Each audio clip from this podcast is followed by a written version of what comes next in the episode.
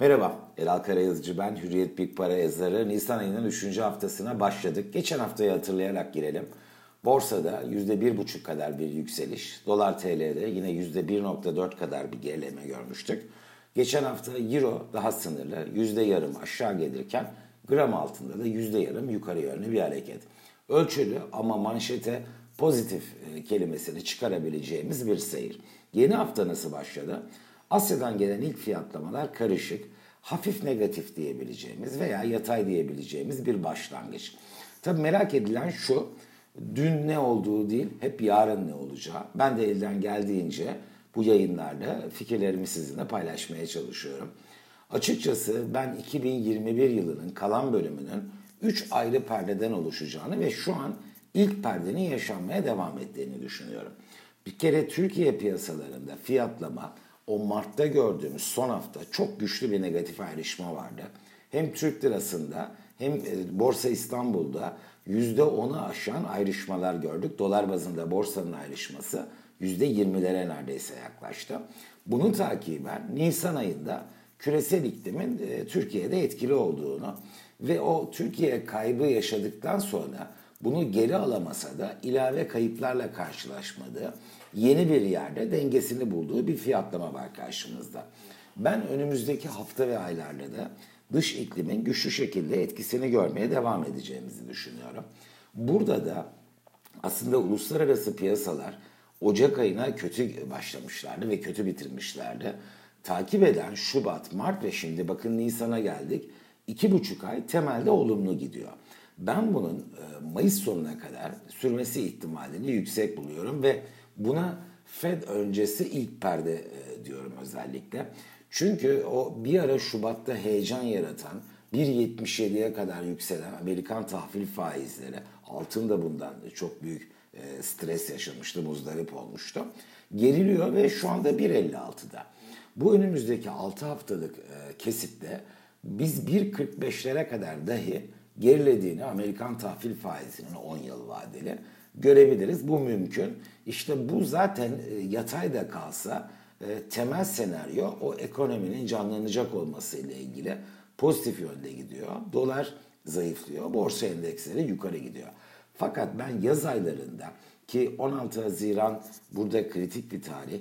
Fed her ne kadar 27-28 Nisan'da da bir toplantı yapacaksa da bu toplantıdan e, e, işte FED varlık alımlarını azaltacağım sinyali verecek gibi bir manşetin, verdiği gibi bir manşetin çıkmasının güç olduğunu ama Haziran toplantısının böyle bir manşete pekala ev sahipliği yapabileceğini düşünüyorum.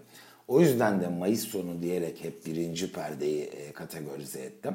İşte ikinci perde diyebileceğimiz Fed'in sinyalinden de bir süre önce başlayacak ve belki 4-5 hafta belki biraz daha uzun sürebilecek e, negatif e, temadaki bu bölümde gelişen ülkelerde hem borsa endekslerinin hem para birimlerinin hissedilir e, kayıplarla karşılaşabileceğini, gelişmiş ülkelere daha sınırlı da olsa yine bu akımın yansımaları olabileceğini, Amerikan tahvil faizlerinin ise belki de bu kez 200 bas puanın üzerine 225 bas puanlara kadar çıkabileceği bir e, fiyatlamanın e, beraberinde gelebileceğini düşünüyorum.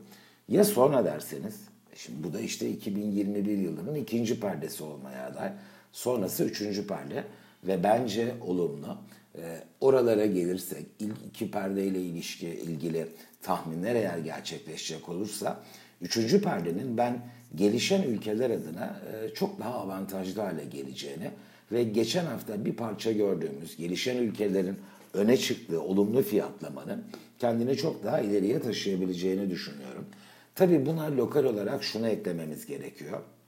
Türkiye 2021 yılının ikinci yarısı içinde e, faizleri yeniden düşürmeyi planlıyor. E, en azından bu konuda çok direkt net bir açıklama olmasa da e, bunu düşündüren bir takım sinyaller var. Ve gerçekten enflasyonda da biz yılın sonuna doğru bir belirgin gerileme görürsek dünyada da gayet normal karşılanacak bir ayarlama olacak bu. Fakat şu konu çok kritik. Eğer demin anlattığım ikinci perde yani eyvah Fed varlık alım fiyatlarını azaltacak fiyatlamasıyla Türkiye'nin faiz indirim döngüsünün fiyatlaması zamanı çakışacak olursa bu Türkiye'nin işini güçleştirebilir ve Türkiye enflasyonla mücadelede e, ciddi bir mevzi kaybına uğrayabilir. Bu nedenle bu perde tamamlandıktan sonra dünyada ve dolar yeniden düşüşe geçtikten sonra düşmeye devam etmeye aday olduğu bir parkura girdikten sonra Türkiye'nin bu konuda ayarlamaya gitmesi e, kalıcı bir faiz indirimi adına kritik önem taşıyacak.